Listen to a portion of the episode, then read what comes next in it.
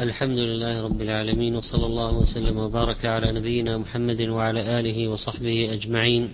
وبعد فقال المصنف رحمه الله تعالى في باب الحث على الخشوع في الصلاة عن أبي هريرة رضي الله عنه قال نهى رسول الله صلى الله عليه وسلم أن يصلي الرجل مختصرا متفق عليه واللفظ لمسلم ومعناه أن يجعل يده على خاصرته. وفي البخاري عن عائشة أن ذلك فعل اليهود في صلاتهم والخاصرة هي ما بين الورك وأسفل الأضلاع من الإنسان وهذا نهي عن التخصر أو الاختصار في الصلاة وأنه ينافي الخشوع وأن الواجب البعد عن أهل الضلال. وجمهور العلماء حملوا النهي على التنزيه وقالوا لأنه لا يعود على الصلاة بالبطلان. ولكن إذا قصد المصلي التشبه بهم سواء اليهود أو المتكبرين في هذه الحركة في وضع اليدين على الخاصرة فإنه يكون حراما.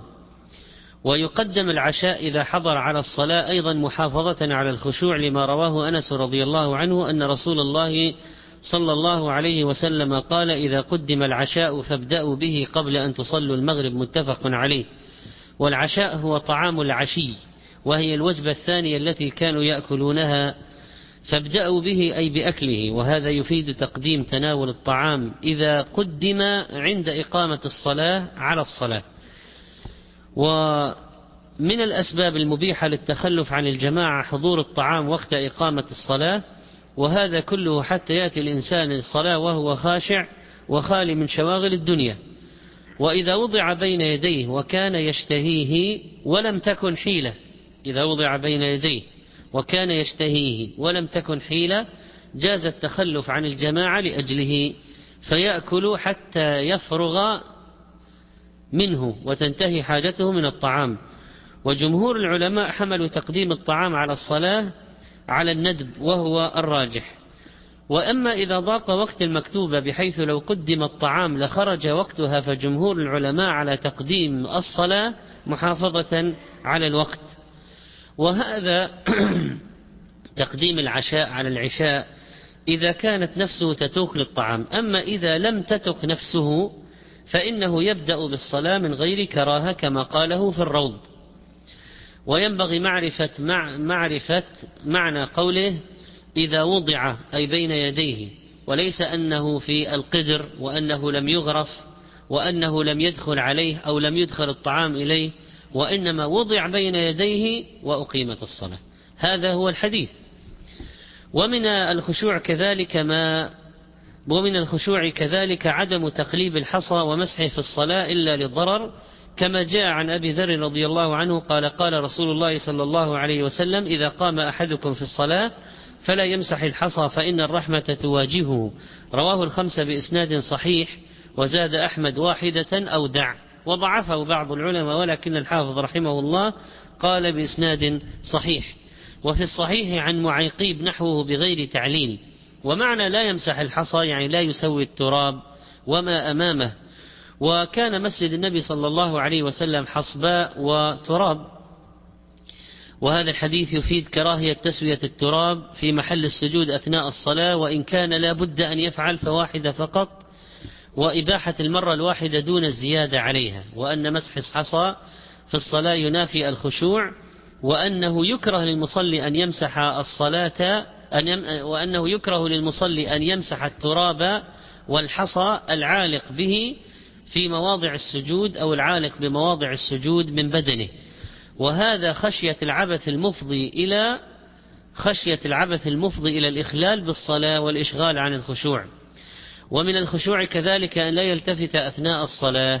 لحديث عائشة رضي الله عنها قالت سألت رسول الله صلى الله عليه وسلم عن الالتفات في الصلاة فقال هو اختلاس يختلسه الشيطان من صلاة العبد رواه البخاري. وللترمذي عن أنس وصححه إياك والالتفات في الصلاة فإنه هلك فإن كان لابد ففي التطوع وهو ضعيف.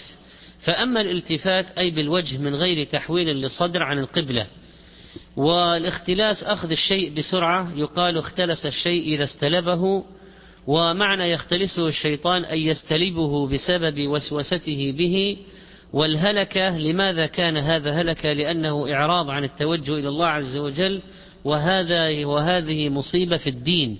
وقد قال النبي صلى الله عليه وسلم اللهم لا تجعل مصيبتنا ولا تجعل مصيبتنا في ديننا. وسماه اختلاسا تنفيرا عن تلك الفعل القبيحة لأن أغلى ما عند المصلي تلك الساعة هي هذه الصلاة التي يقف فيها بين يدي ربه. وهذا الحديث ولا شك فيه تنفير من الالتفات في الصلاة لأنه أخبر أنه من الشيطان وسماه اختلاسا وأطلق عليه هلكة وأنه يعرض المصلي للهلاك لكن يباح الالتفات للضرورة. فإذا كان ثم حاجة كخوف وترقب عدو فلا بأس ولا يكره. لما جاء عند أبي داود أن رسول الله صلى الله عليه وسلم جعل يصلي وهو يلتفت إلى الشعب. وهذا خشية العدو.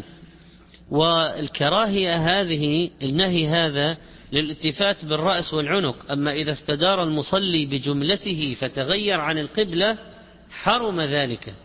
إذا كانت الاستدارة كاملة بجميع البدن هذا شيء آخر. أما النهي هنا الالتفات الالتفات بالنظر أو بالرأس والعنق. وهناك التفات للقلب إلى أمور الدنيا في الصلاة قد يكون أخطر من هذه بكثير. فينبغي عدم الالتفات لا بالقلب ولا بالبصر. وقد ورد أيضا النهي عن البصاق بين يديه أو عن يمينه للمصلي كما جاء في حديث أنس رضي الله عنه قال قال رسول الله صلى الله عليه وسلم إذا كان أحدكم في الصلاة فإنه يناجي ربه فلا يبزقن بين يديه ولا عن يمينه ولكن عن شماله تحت قدمه أو تحت قدمه. ويناجي يمجد الله ويذكره ويتلو كتابه فلا يناسب أن يبصق هذه البصقة والبزاق والبصاق ما كان من الفم والمخاط ما كان من الأنف والنخامة والنخاعة من الصدر ومن الرأس أيضا. فشيء يصعد وشيء ينزل من الرأس والأنف على الحلق. ونهي المصلي عن البصاق بين يديه يعني أمامه وعن يمينه أولا لأن الله سبحانه وتعالى بين يدي العبد. وهذا اتجاه القبلة فلا يناسب أبدا أن يبصق تلقاء وجهه. وأما عن اليمين فلأن جهة اليمين شريفة جاءت الشريعة بتكريمها وهي أشرف من جهة الشمال. والملك المقيم عن اليمين أشرف من الملك المقيم عن شمالك يا أيها الإنسان.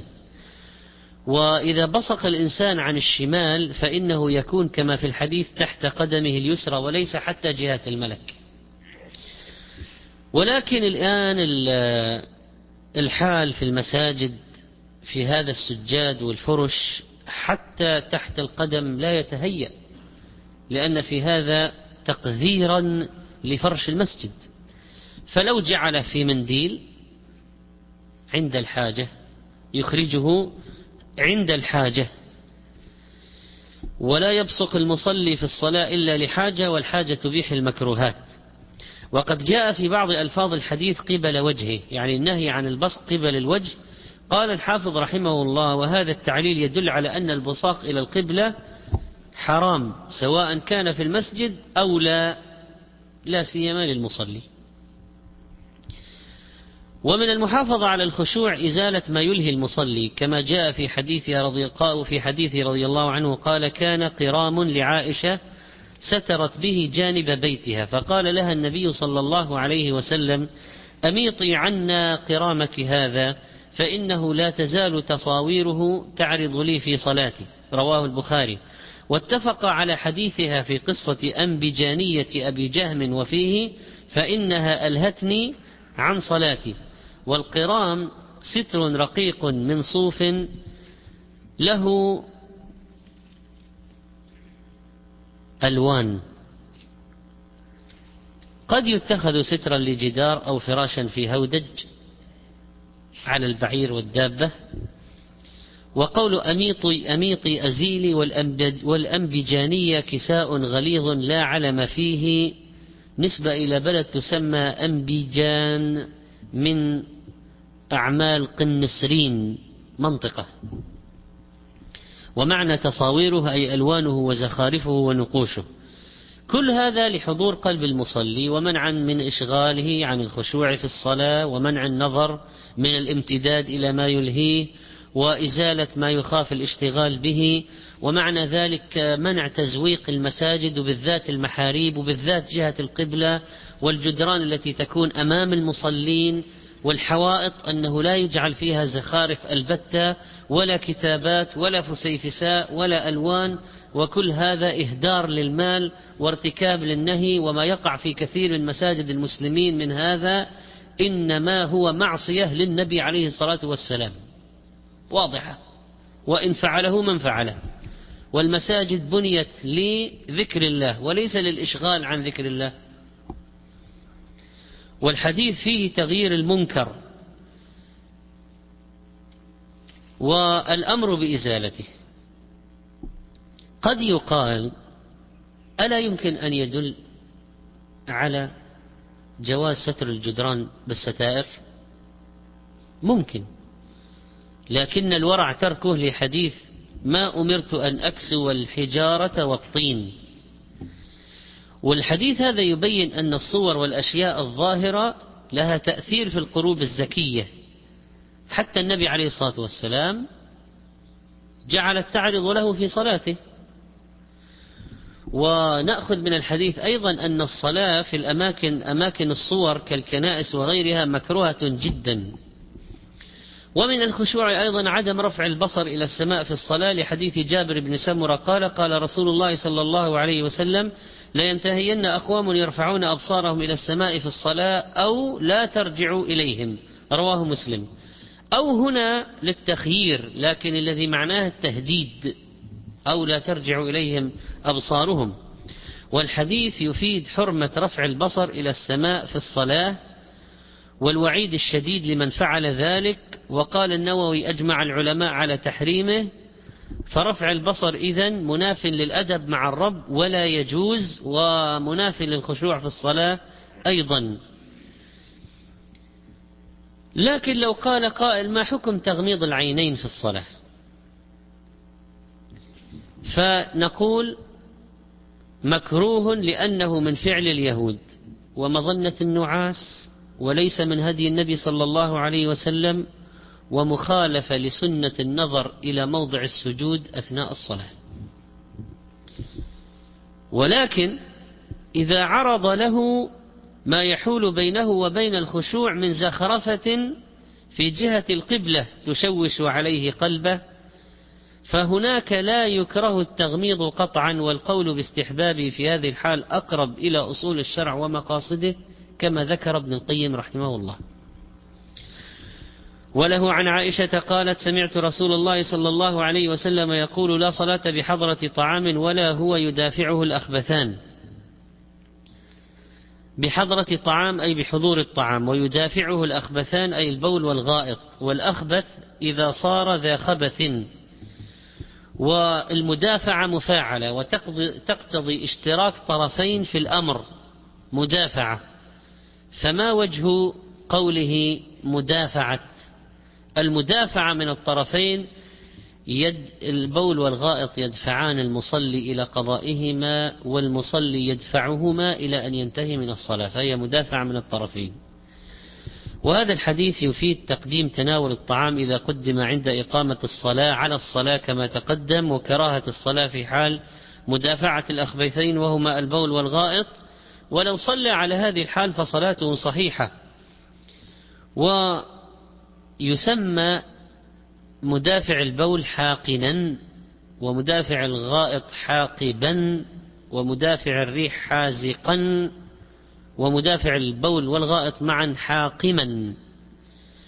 مثل مدافعة الأخبثين كل ما يشغل باله من ريح في جوفه أو حر شديد أو برد شديد أو جوع شديد أو عطش مفرط وغير ذلك فإنه يذهبه قبل الصلاة. ولو قال دخل الإمام في الصلاة وحضرني المدافعة أو أثناء الصلاة وشد علي اشتد علي الأمر نقول الأفضل أن تقطع الصلاة وتذهب وتقضي حاجتك وتتوضأ وتعود إلى الصلاة. ومن الخشوع في الصلاة أيضا عدم التثاؤب لحديث أبي هريرة أن النبي صلى الله عليه وسلم قال التثاؤب من الشيطان فإذا تثاءب أحدكم فليكظم ما استطاع رواه مسلم والترمذي وزاد في الصلاة. ومعنى ليكظم أن يمنع التثاؤب ويحبسه. لماذا؟ لأنه علامة الكسل والنوم ومنظر منظر الفم المفتوح كريه. فإن لم يستطع فليمسك بيده على فمه كما جاء في رواية مسلم إغاظة للشيطان ومنعا له من الدخول لأن الشيطان يدخل مع التثاؤب. فالتثاؤب في الصلاة مذموم ولا ينبغي الاسترسال فيه بل يحبسه الإنسان ما استطاع. ثم قال رحمه الله تعالى باب المساجد. مسجد على وزن مفعل اسم مكان من السجود. وكل موضع في الأرض مسجد لهذه الأمة وهذا من خصائصها. وجمع العلماء في أحكام المساجد كتبا ومن ذلك إحكام الساجد بأحكام المساجد للزركشي الشافعي. وهذا المسجد في الإسلام كان رمز العزة فهو مكان العبادات والجامعة العلمية وتعقد فيه ألوية الجهاد وتقضى فيه الأمور المهمة للمسلمين. فأما أول حديث فيه فيتعلق بالندب إلى تنظيف وتطيب المسجد وهو عن عائشة رضي الله عنها قالت أمر رسول الله صلى الله عليه وسلم ببناء المساجد في الدور وأن تنظف وتطيب. رواه أحمد وأبو داود والترمذي وصحح إرساله. وإعلال الترمذي له بالإرسال لا يضر لأنه قد جاء موصولا من طريق ثقة وزيادة الثقة مقبولة. والحديث يدل على استحباب إعداد مصلى في كل بيت يتنفل فيه الرجال وتصلي فيه النساء. فلقال واحد أنا أريد أن أعمل ديكورا في البيت. في الصالة في الغرف في الغرف مثلا. أخصص مكان للصلاة لأهل البيت في الصالة مثلا؟ نعم من السنة. أجعل ما يشبه المصلى؟ أضع سجاد؟ أضع مكان المصاحف؟ نقول نعم. من السنة وضع مصلى داخل البيت. من الذي يصلي فيه؟ ليس الرجال في الفرائض لأن الرجال يجب عليهم في الفرائض إتيان المساجد. لكن يصلي فيه النساء والمريض ومن لا تجب عليه الجماعة والرجال يصلون السنن الراتبة قيام الليل. وهذا المكان ينظف ويطيب ويصان عن النجاسات وهكذا. هذا أحد المعنيين. أمر رسول الله صلى الله عليه وسلم ببناء المساجد في الدور وأن تنظف وتطيب. لكن يحتمل أن يكون المراد في الدور أي في الأحياء فينبغي أن يبنى في كل حي مسجد. كل حي من أحياء المسلمين ينبغي أن يكون فيها مسجد. وتطهر تلك الأمكنة التي أعدت للصلاة وتطيب وقد قال الله تعالى وطهر بيتي. وهذا من احترام شعائر الله ومواطن عبادته وتصان هذه المصليات عن عن الروائح الكريهة. وقال ثم قال رحمه الله تعالى عن أبي هريرة رضي الله عنه قال قال رسول الله صلى الله عليه وسلم قاتل الله اليهود اتخذوا قبور أنبيائهم مساجد متفق عليه. وزاد مسلم والنصارى. قاتل الله قاتل الله اليهود والنصارى. ولهما من حديث عائشة كانوا إذا مات فيهم الرجل الصالح بنوا على قبره مسجدا وفيه أولئك شرار الخلق. قاتل الله اليهود لعنهم وغضب عليهم وهذا يفيد عدم جواز اتخاذ القبور مساجد وعدم جواز بناء المساجد فوق القبور وأن الذين يفعلون ذلك هم شرار الخلق عند الله يوم القيامة.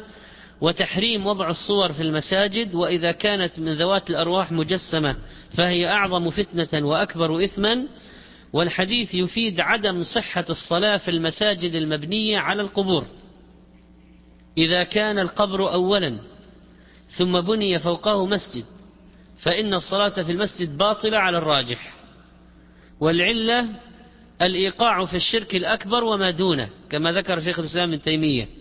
وقال ابن القيم رحمه الله من له معرفة بالشرك وأسبابه وذرائعه جزم بما لا يحتمل الشك أن هذه المبالغة واللعن والنهي ليس لأجل نجاسة الأرض من رفات الأموات ليس ليس لأجل نجاسة الأرض من رفات الأموات وإنما خشية التدرج إلى عبادتها وعبادة أهلها.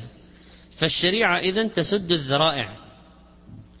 فلا يجوز تقديس البقع بإقامة المساجد ولا القباب ولا الأبنية عليها القبور حتى وضع الزهور على قبر الجندي المجهول. قال الشيخ عبد العزيز بن باز رحمه الله وضع الزهور على قبر الجندي المجهول بدعة وغلو في الأجداث. ويخشى منه أن يكون ذريعة على مدى الأيام إلى بناء القباب عليها والتبرك بها واتخاذهم أولياء من دون الله. هل يجوز حبس الأسير في المسجد؟ أورد فيه حديث أبي هريرة قال بعث النبي صلى الله عليه وسلم خيلا فجاءت برجل فربطوه بسارية من سوار المسجد. الحديث متفق عليه الخيل هي السرية والسارية هي الأسطوانة. أفادنا الحديث جواز ربط الأسير المشرك في المسجد ولأجل المصلحة في أن يسمع آيات الله تتلى عليه وقد أسلم عدد من المشركين بسبب هذا ومنهم ثمامة بن أثال رضي الله عنه الذي تقدم الحديث بشأنه. وجواز دخول المشركين والكتابيين من مساجد المسلمين للحاجة فلو قال أريد أن أرى صلاتكم وليس فيه أذى ولا هو امرأة متبرجة ولا إنسان يكشف عورته ولا معه ما يزدري به المساجد كآلات التصوير التي يدخل بها هؤلاء السياح إلى المساجد مساجد يصورون الآثار بزعمهم. فإذا وجدت مصلحة أو شيء لم, لم يوجد من يصلحه إلا كافر ويخ ولا يخشى منه فإنه يجوز إدخاله. هل يجوز إنشاد الشعر في المساجد؟ عن عمر بن الخطاب رضي الله عنه أنه مر بحسان ينشد في المسجد فلحظ إليه يعني نظر إليه نظر إنكار وعتب. فقال يعني قال له حسان قد كنت أنشد فيه أي الشعر وفيه من هو خير منك. يعني محمد صلى الله عليه وسلم. متفق عليه. وهذا يدل على جواز إنشاد الشعر في المسجد في غرض الانتصار للإسلام. وكذلك هذه الأبيات التي نظمها العلماء في شتى المتون المختلفة فإنها تشرح في المساجد. قد تكون في الفقه أو في الفرائض أو في اللغة أو في الأصول أو في غير ذلك. وما كان من الآداب والأخلاق والفضائل والوعظ قد تكون أبياتا وعظية. ومن صيانة المساجد أيضا صيانتها عن نشد الضالة فيها. فقد قال رسول الله صلى الله عليه وسلم من سمع رجلا ينشد ضالة في المسجد فليقل لا ردها الله عليك فإن المساجد لم تبن لهذا وينشد أن يطلب برفع الصوت والضالة ما ضل من البهيمة سواء ذكرا أو أنثى.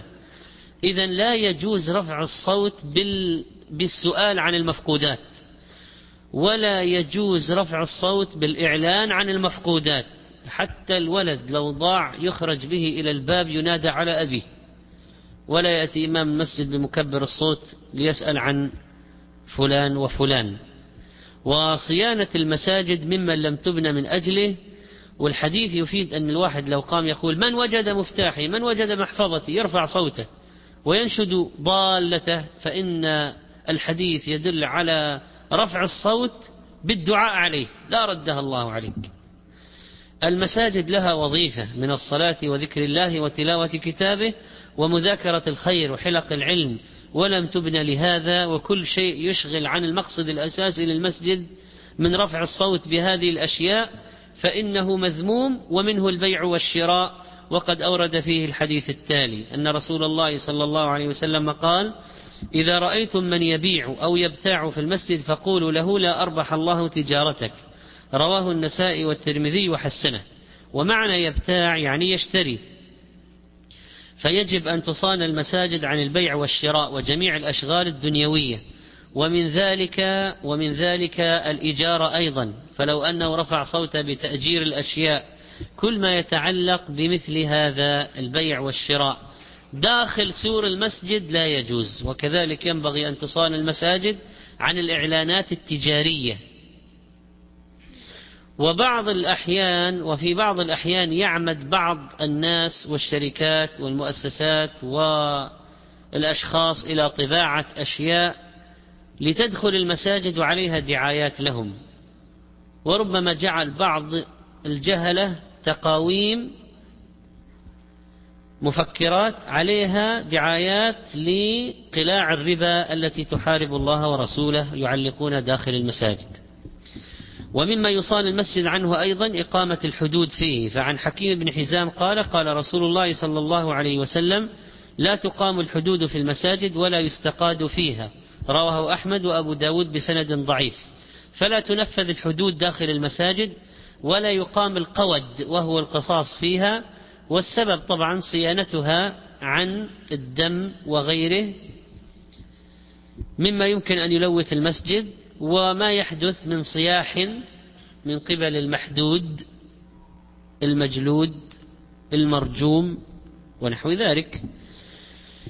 ماذا بالنسبة للنوم في المسجد وبقاء المريض فيه؟ عن عائشة رضي الله عنها قالت أصيب سعد يوم الخندق فضرب عليه رسول الله صلى الله عليه وسلم خيمة في المسجد ليعوده من قريب متفق عليه. ومعنى ضرب عليه يعني نصب عليه خيمة.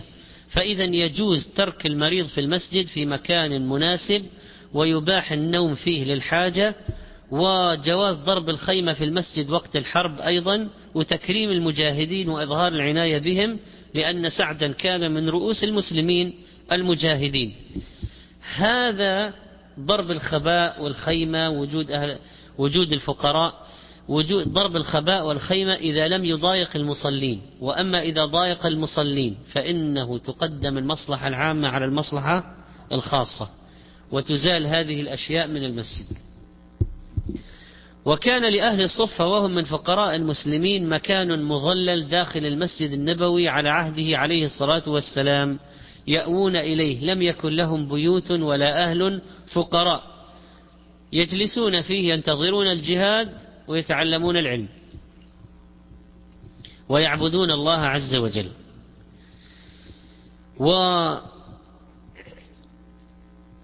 وماذا نقول بالنسبة للعب الحبشة في المسجد إذن؟ لقد جاء ذلك في حديثها رضي الله عنها عائشة قالت رأيت رسول الله صلى الله عليه وسلم يسترني وأنا أنظر إلى الحبشة يلعبون في المسجد الحديث متفق عليه. يسترها يخفيها عن الأعين وهذا من غيرة الرجل على زوجته. والحبشة رجال من السودان والحبشة الإقليم المعروف المسمى اليوم بأثيوبيا. وعاصمتها أديس أبابا وهذه الحبشة التي كان منها هؤلاء الرجال ويلعبون ليس المقصود به اللهو وإنما يتدربون بالحراب والدرق وهي من آلات المعارك والأسلحة المستخدمة فهذه بالحقيقة لعبة حربية هي تمرين وتدريب. ولما كانت لأجل الجهاد سمح النبي صلى الله عليه وسلم بهذه العرضة العسكرية التدريبية. العرضة العسكرية التدريبية في المسجد يوم العيد. فيها شيء من تسلية نعم.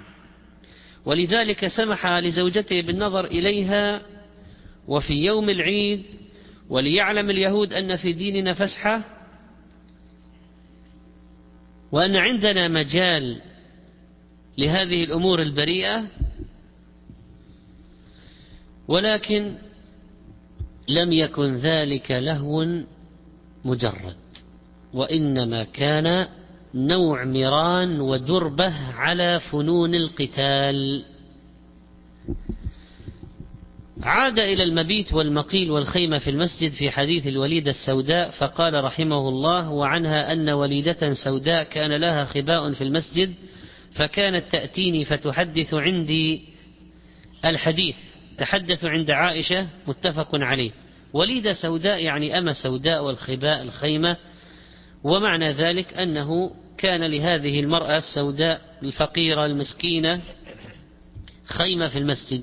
فيجوز أن يكون لمثلها إذن مثل هذا إذا أمنت الفتنة ولم يكن في ذلك تضييق على المصلين. وينبغي أن تصان المساجد عن البساط لحديث أنس رضي الله عنه قال قال رسول الله صلى الله عليه وسلم البزاق في المسجد خطيئة وكفارتها دفنها. البزاق والبصاق الماء الخارج من الفم والخطيئة هي الذنب ودفنها معروف سترها وهذا إذا كانت أرض المسجد رملا أم ترابا أو ترابا. أما إذا كانت غير ذلك فتمسح وتزال وتنظف بالمنديل وبالماء وبغيره وهذا يدل على أن البصاق في المسجد ذنب معصية يأثم عليه الإنسان ومثله النخامة والنخاع وما يخرج من الأنف. فهذا أيضا المخاط وغيره لا يجوز للإنسان أن يخرجه على أرض المسجد وفي فراش المسجد ومن فعل ذلك فالكفارة إزالته.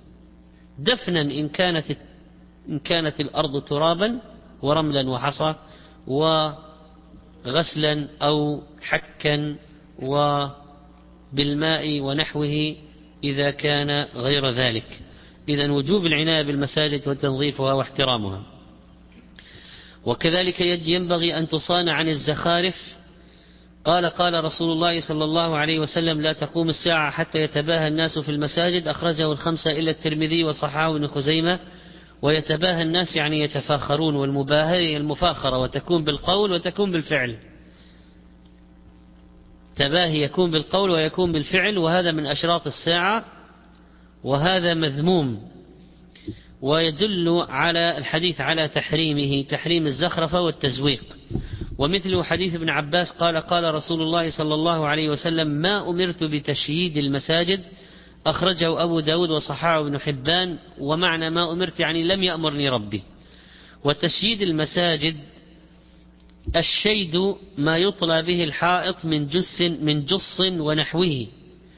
فإذا من السنة ترك الغلو في تزيين المساجد وجعل الألوان فيها.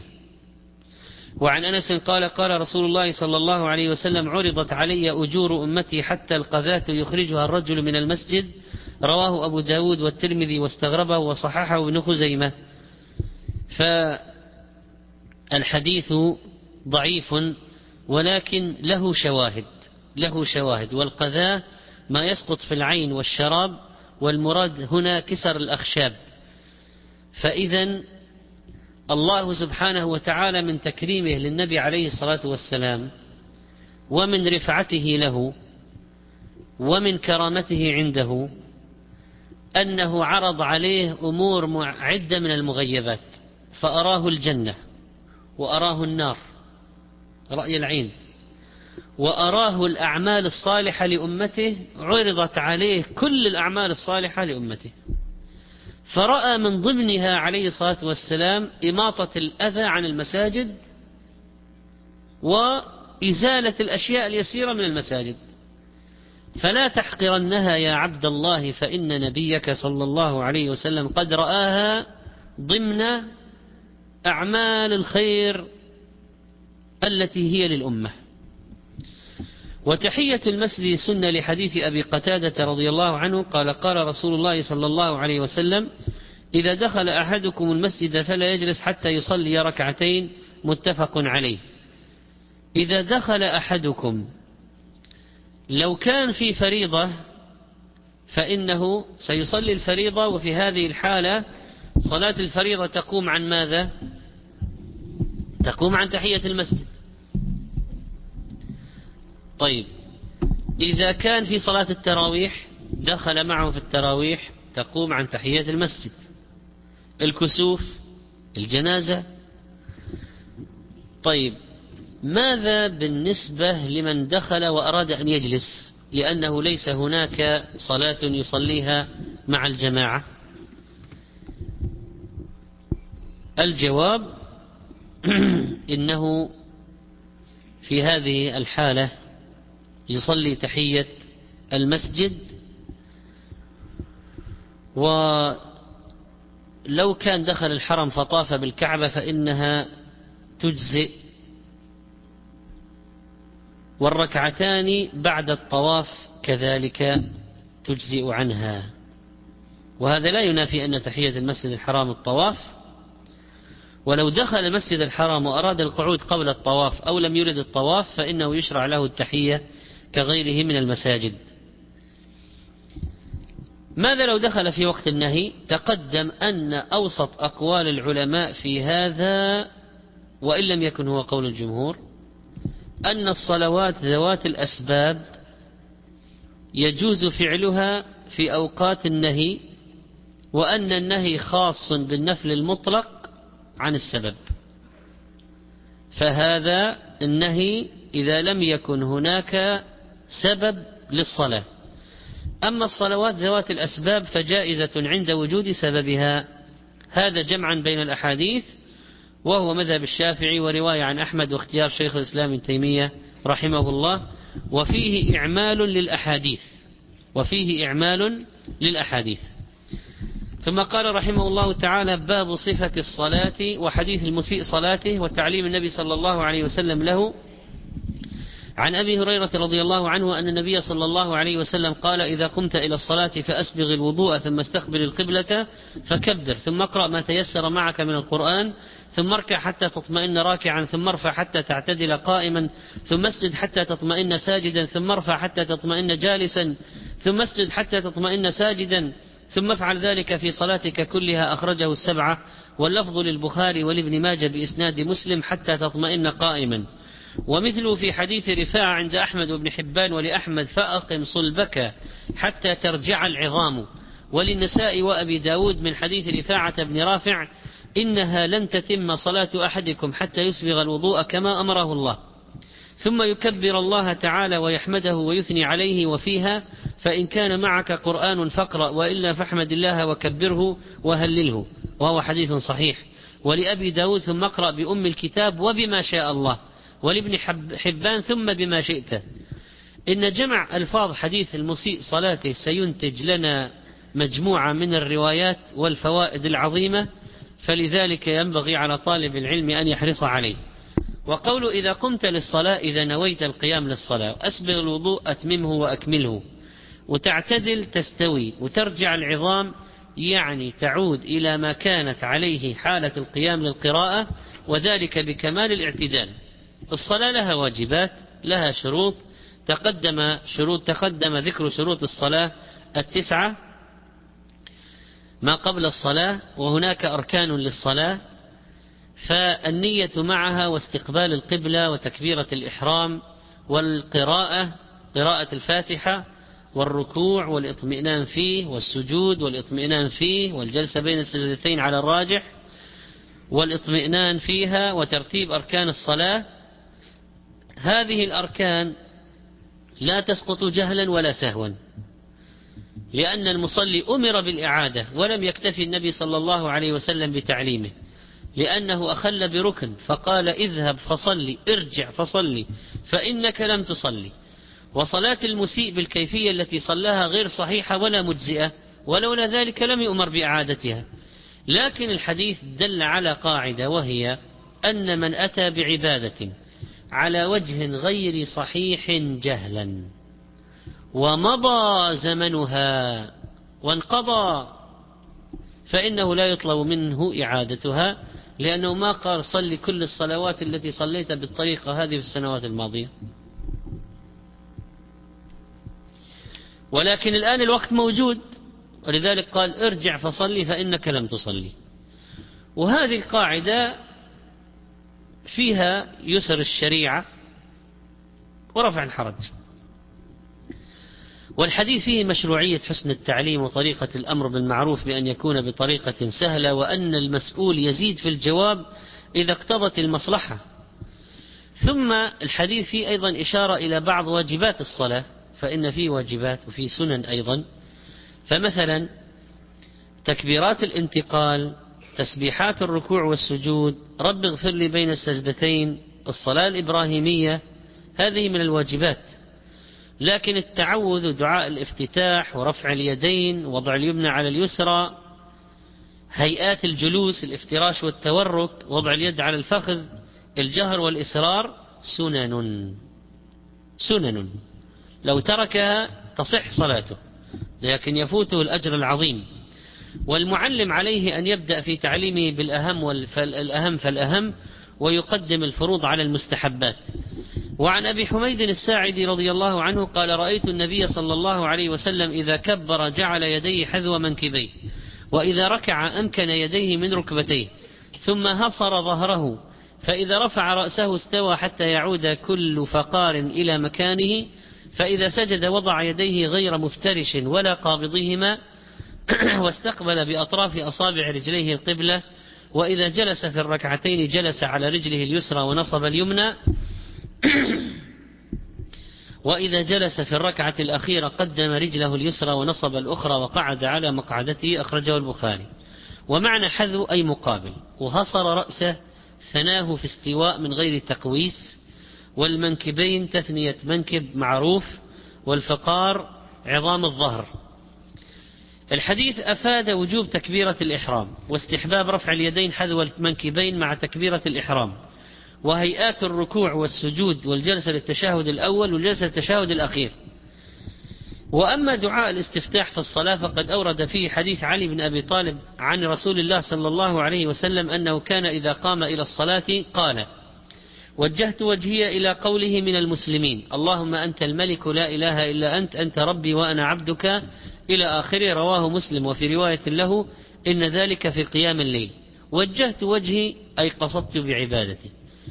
وفاطر السماوات والأرض أي فطر السماوات والأرض ابتدأ خلقها وحنيفا مائلا في اللغة. لكن مائلا إلى أي شيء في هنا؟ إلى دين الحق وهو الإسلام. والنسك العبادة. ولبيك يقيم, طاع يقيم على طاعته إقامة بعد إقامة وسعديك مساعدة لأمرك بعد مساعدة ومتابعة لدينك بعد متابعة فالعملية استمرار على الطاعة. الحديث يفيد مشروعية استفتاح الصلاة بهذا الدعاء واستحبابه في صلاة الليل. لكن الإنسان إذا دخل المسجد والإمام في, في واقف وخشي إن استفتح أن تفوته الفاتحة. خشي المأموم إن استفتح أن تفوته الفاتحة. فماذا يفعل؟ لا يقرأ دعاء الاستفتاح. أبدا. وإنما يدخل في الفاتحة مباشرة لأن الفاتحة أولى مقدمة. لكن لو كان دخل والإمام لتوه كبر تكبيرة الإحرام إذا هناك وقت ليقرأ دعاء الاستفتاح. وعن أبي هريرة رضي الله عنه قال كان رسول الله صلى الله عليه وسلم إذا كبر للصلاة سكت هنيهة قبل أن يقرأ فسألته يعني ماذا يقرأ؟ قال أقول اللهم باعد بيني وبين خطاياي كما باعدت بين المشرق والمغرب اللهم نقني من خطاياي كما ينقى الثوب الأبيض من الدنس اللهم اغسلني من خطاياي بالماء والثلج والبرد متفق عليه. هنيهة سكته لطيفة والدنس الوسخ والبرد حب الغمام. الحديث فيه مشروعية هذا الدعاء بين التكبير والقراءة وأنه مستحب للاستفتاح في الصلاة لكن لا يجهر به. وعن عمر أنه كان يقول سبحانك اللهم وبحمدك وتبارك اسمك وتعالى جدك ولا إله غيرك رواه مسلم بسند منقطع ورواه الدار قطن موصولا وهو موقوف. ونحوه عن أبي سعيد مرفوعا عند الخمسة وفيه وكان يقول بعد التكبير أعوذ بالله السميع العليم من الشيطان الرجيم من همزه ونفخه ونفثه ومعنى سبحانك اللهم وبحمدك أي أسبحك متلبسا بتحميدك وأنزهك متلبسا بالثناء عليك. والرجيم المرجوم المطرود من رحمة الله وهمزه كيده كأن الشيطان ينفخ فيه عند نفسه وفيه هلاك. ونفثه أي سحر سحره سحره. فالحديث هذا يدل على أن هذا الاستفتاح أيضا مشروع والإنسان إذا ثبتت السنن ينوع. لكن ما هو أشهر دعاء استفتاح على الإطلاق؟ سبحانك اللهم. فماذا يفعل إذن؟